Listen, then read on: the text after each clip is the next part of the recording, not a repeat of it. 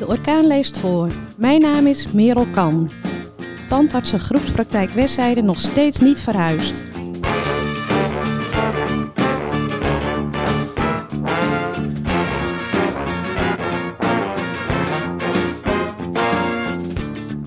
Na bijna 50 jaar willen de tandartsen, mondhygiënistes en assistentes van tandartsen groepspraktijk Westzijde naar de overkant van de Westzijde.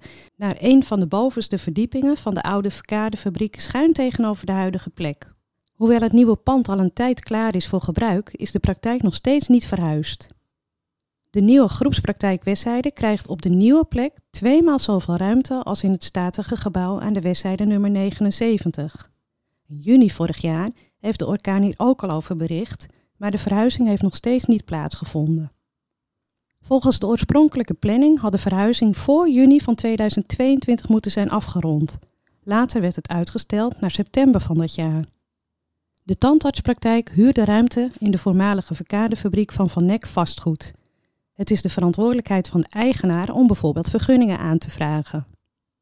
De aanvraag van Van Nek is vertraagd omdat nog niet alle benodigde documenten zijn ingediend, zo meldt de woordvoerder van de burgemeester. Met name op het gebied van brandveiligheid voldoet de aanvraag nog niet aan de gestelde eisen. Quote, wij kunnen deze vergunning pas afgeven als alle juiste stukken zijn aangeleverd en akkoord zijn bevonden. Hierbij zijn we afhankelijk van de aanvrager. We hebben nog geen reactie gekregen van verhuurder Patrick van Nek en van tandartsengroepspraktijk Westzijde ondanks talloze pogingen om contact op te nemen.